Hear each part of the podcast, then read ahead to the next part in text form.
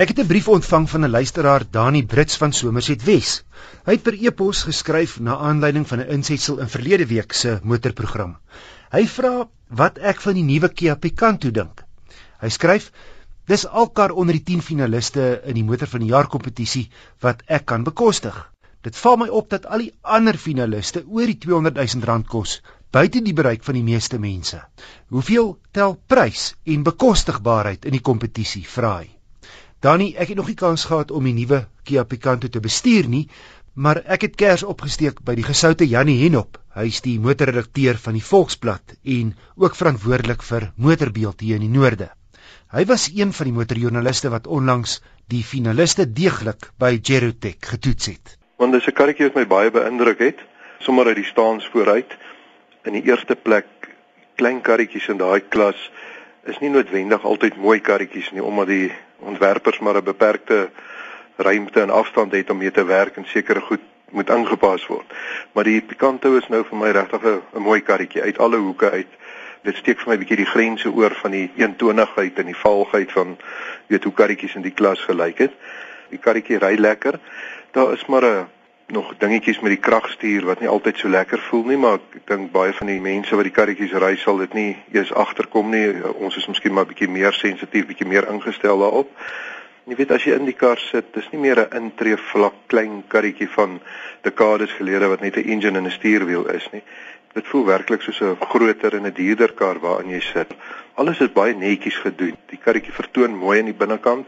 Selfs vir my wat 'n groot ou is, is is hy nogal redelik ruim, maar ou moet maar aanvaar dat bly 'n klein karretjie, so jy weet mense aan die agterkant en gaan maar bietjie knap sit en die bagasieruim is is maar knap. Dit is nou maar in die aard van die karretjies. Ja, en Jannie, hoe het hy gevaar as jy hom nou moet uh, vergelyk met die nege ander finaliste?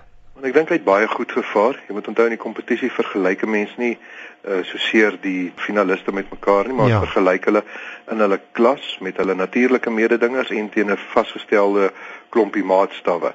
En ek dink die Picanto het baie goed gevaar. Hy het my beïndruk. Dit is waarskynlik een van die karretjies wat dalk ook 'n goeie kans staan om die kompetisie te wen. O, dis interessant. Enige ander finaliste wat jy dink ook 'n kans staan? Ek dink die Koreane het 'n groot aanslag geloods hierdie jaar. Die nuwe Elantra is beslis een van die gunstelinge om die wedstryd te wen vir die prys uh, wat dit bied uh, en hoe dit doen, hoe hy lyk. Dink ek die Elantra bring 'n bietjie iets nuuts na sy klas, na sy segment toe. Dit is 'n verskriklike mooi kar binne en buite, baie omvangryk toegerus. Die engine is billik, sy hantering is goed. Die modelle is dit lyk of hulle stuurstelsels 'n bietjie beter is wat ons getoets het. Ek dink die land staan baie sterk kans. Jannie en as ons net volledigheidshalwe weer kyk na die ander 8 finaliste in die kompetisie, hoe het hulle opgeweeg? Uit my oogpunt uit uh, die Alfa Giulietta 1.4 is 'n pragtige kar, maar in daardie klas kon ek ongelukkig net nie die idee kry dat ek die Giulietta sal verkies sê bo 'n Golf nie. En uh daaroor dink ek nie die Giulietta het werklik 'n kans om om te wen nie want hy staan nie werklik uit in daai klas nie. Die Audi A6 is 'n is 'n fenominale kar. Maar jy weet in daai prysklasse, daai klaskar is dit wat 'n ou verwag. Ek ja. dink egter nie die Audi het genoeg skietgoed om verlede jaar se wenner, die 530 BMW, te ontroon nie. Die Citroen DS4 is 'n lekker waantjie, is 'n bietjie van 'n vreemde ryding, is 'n baie nis tipe voertuig. Dink ook nie die Citroen gaan dit maak nie.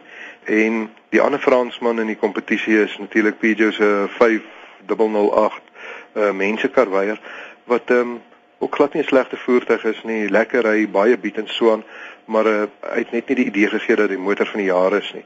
Suzuki se Kizashi ook 'n baie oulike voertuig, eerste keer dat Suzuki werklik sy eie voertuig bou in hierdie klas, maar ek dink nie die Kizashi is noodwendig die beter voertuig in sy klas as mens dit vergelyk met 'n Accord en 'n Passat en so aan nie. Daar's die Jetta wat ek dink 'n buiteperd is. Die Jetta doen dit alles en hy doen dit reg.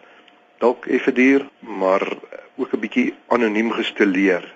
Ford se Diesel Focus is 'n kar wat lekker hanteer en een of ander rede die het die kar nie werklik so beïndruk met die toets daar nie. Ek dink die engine en die radkas kombinasie het vir my minder ideaal gevoel as wat ek aanvanklik gedink het. Dan die ander duur Duitser wat daar is, is Mercedes se SLK 350. Dis nie 'n motor van die jaar nie. Ek dink nie dis die beste voertuig in sy klas vir sy prys nie.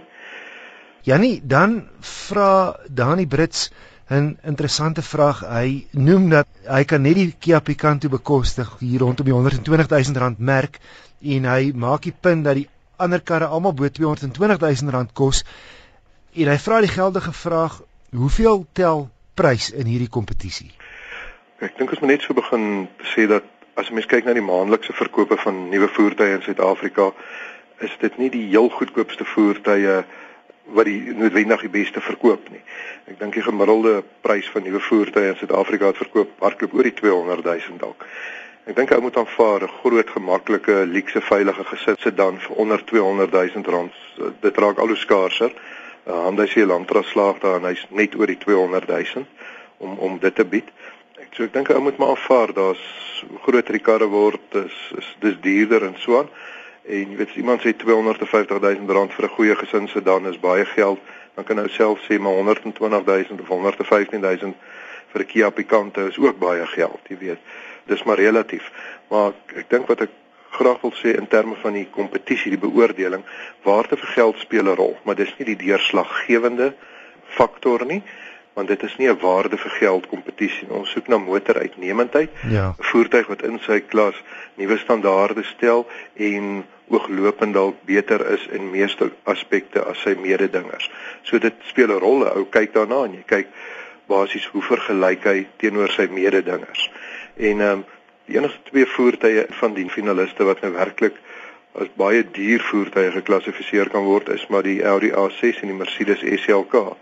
Die ander voertuie is maar gesinsvoertuie wat baie mense koop en ehm um, nie noodwendig uh, luukse of eksotiese rygoed nie. Jy weet by die beoordeling is daar net so 'n paar faktore wat 'n ou in ag neem, jy weet.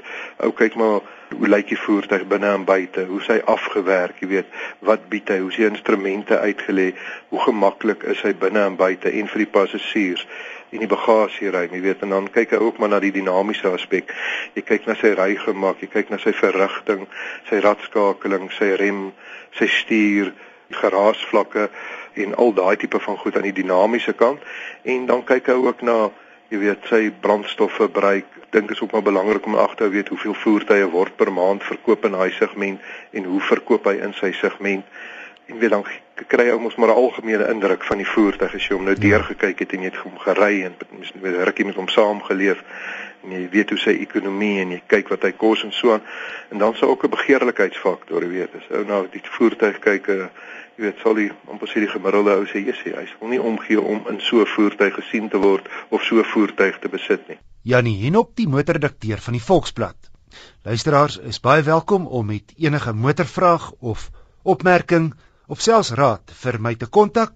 My e-posadres is wissel@rsg.co.za. Jy kan ook faks na 011 714 2430. Johannesburg 714 2430.